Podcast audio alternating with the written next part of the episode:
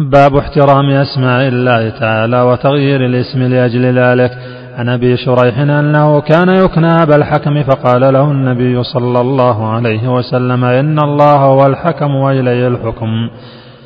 فقال إن قومي إذا اختلفوا في شيء آتوني فحكمت بينهم فرضي كلا الفريقين.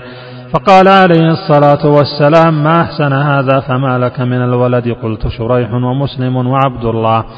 قال فمن أكبرهم؟ قلت شريح. قال فأنت أبو شريح رواه أبو داود وغيره. فيه مسائل الأولى احترام صفات الله وأسماء الله ولو لم يقصد معنى. الثانية تغيير الاسم لأجل ذلك. الثالثة اختيار أكبر الأبناء للكنية.